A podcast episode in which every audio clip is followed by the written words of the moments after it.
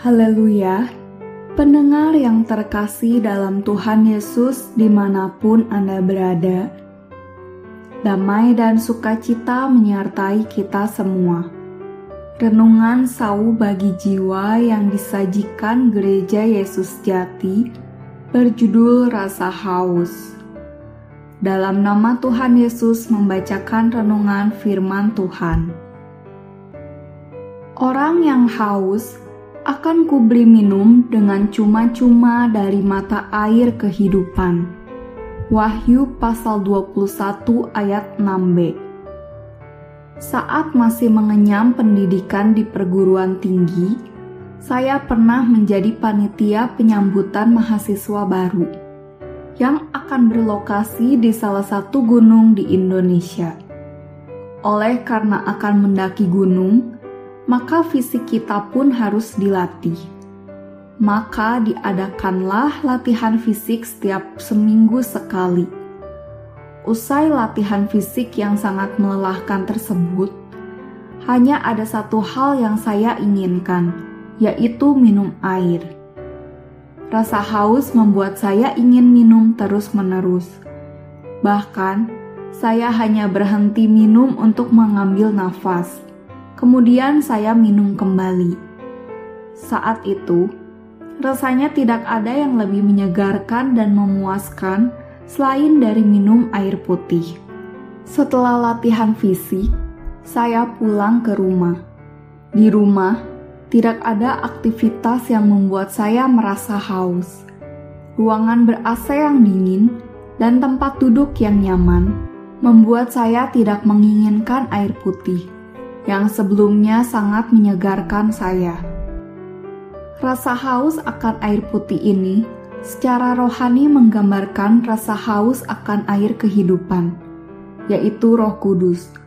Saat saya beraktivitas secara rohani, yaitu saat saya membangun hubungan yang dekat dengan Tuhan, saat saya berusaha untuk hidup kudus dan menaati perintah Tuhan di dalam kehidupan saya saat saya merasa bahwa saya membutuhkan Tuhan dan merasa sangat bersyukur atas berkat yang mungkin biasa saja bagi orang lain, pada saat itulah saya merasa bahwa saya sedang haus akan air kehidupan.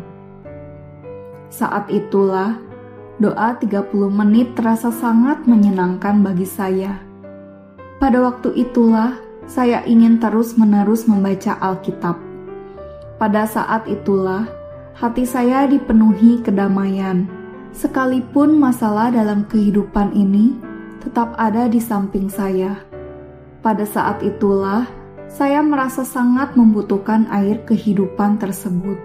Sebaliknya, saat saya kurang aktivitas rohani, saat saya lebih mengutamakan pekerjaan daripada membaca firman Tuhan, saat saya lebih banyak menggunakan waktu saya untuk menonton film daripada berdoa.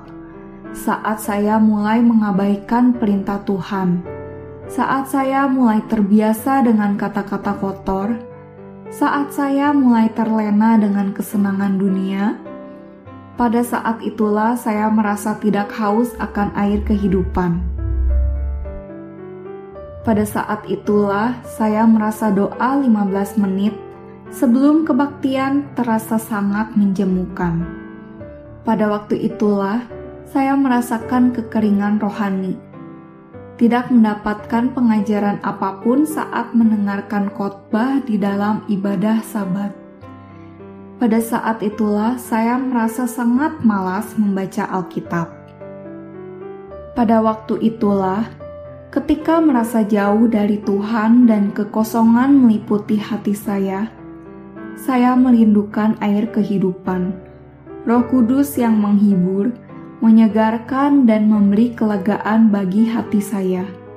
Pada waktu itulah saya kembali bertekad untuk bangun dan kembali beraktivitas secara rohani, agar saya bisa merasakan kembali rasa haus akan air kehidupan pada saat itulah saya memahami bahwa kesenangan dunia sesaat yang saya dapatkan tidaklah sepadan dengan sukacita dan rasa damai dari Roh Kudus. penolong yang Tuhan berikan secara cuma-cuma kepada kita. Sebab aku akan mencurahkan air ke atas tanah yang haus, dan hujan lebat ke atas tempat yang kering. Aku akan mencurahkan roh kudusku ke atas keturunanmu, dan berkatku ke atas anak cucumu.